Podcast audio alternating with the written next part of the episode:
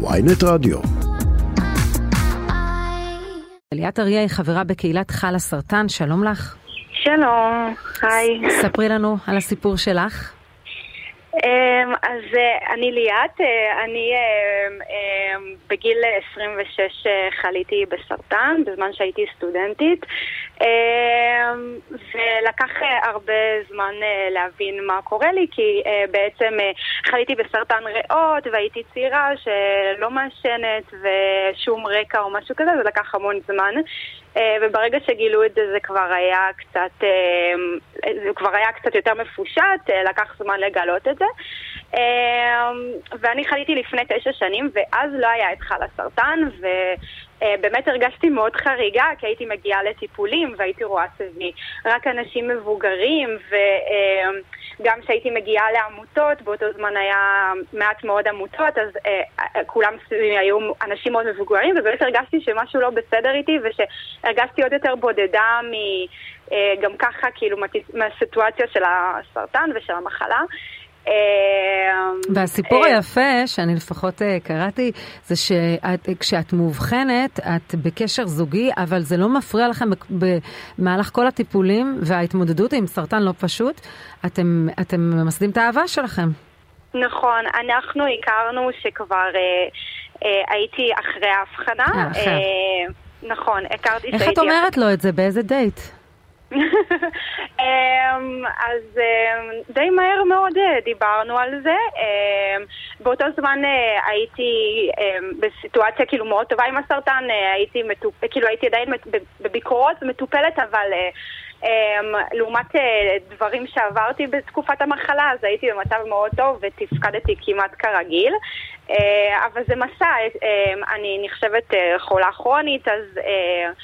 אז אמ, אם הסרטן חוזר, שזו סיטואציה שיכולה לקרות, שזו סיטואציה שגם עברנו אותה כבר ביחד, אז, אה, אז אני פחות מתפקדת ופחות... אה, אמ, ופחות אה, חיה חיים רגילים. והוא אבל... מודיע לך מהרגע הראשון שהוא נשאר?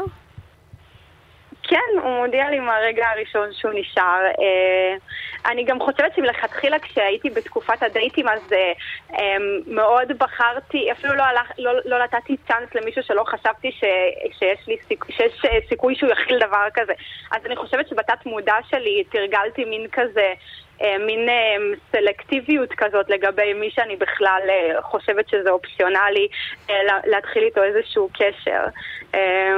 ואולי ידעתי לבחור נכון, אני מניחה שידעתי לבחור נכון. אבל מה באמת מאפיין את, ה, את הקשיים של אוכלוסייה, אוכלוסיית החולים הצעירה בסרטן? Um, אז זה בעצם, um, אתה, נעצרים לך החיים ו, ו, um, ואתה מרגיש שכולם נמצאים בדיוק ב... ב בבנייה של החיים שלהם, כל החברים שלך כבר מתחילים להקים משפחות, אה, מתקבלים לעבודות, מסיימים עוד תואר ועוד תואר ונמצאים בתוך הגלגל הזה של החיים ואתה נזרק משם. אז אתה מלכתחילה מרגיש לבד ואתה גם נמצא בתקופה כזאת שאתה לא כמו אה, ילדים יותר אה, צעירים שהם תחת ההורים שלהם ותחת המעטפת הזאת, אה, או מבוגרים יותר שכבר יש להם משפחות, הם כבר מסודרים. אה, אתה צריך אה, לבנות את עצמך ב...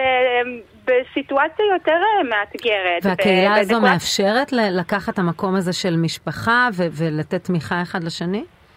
כן, קודם כל זה, זה כמו שאמרת קהילה, אז אה, זה כבר אה, איזושהי מעטפת ואנחנו משתפים אחד את, את השני בדברים ונותנים טיפים אחד לשני ויש גם כל מיני פעילויות, יש למשל סדנאות של מיניות ו, וזוגיות וקבוצות תנועה אמ, וקבוצות טיפוס, קבוצות תמיכה, אז, אמ, אז כל הדברים האלה ביחד נותנים אה, עזרה. כן. יש גם אה, אמ, את חלאס חוזרים לעבודה, שזה אה, מענה לאנשים שנזרקו משוק העבודה או רוצים לחזור או להתחיל בכלל להיכנס לשם, אז זה נותן המון, המון כלים ש...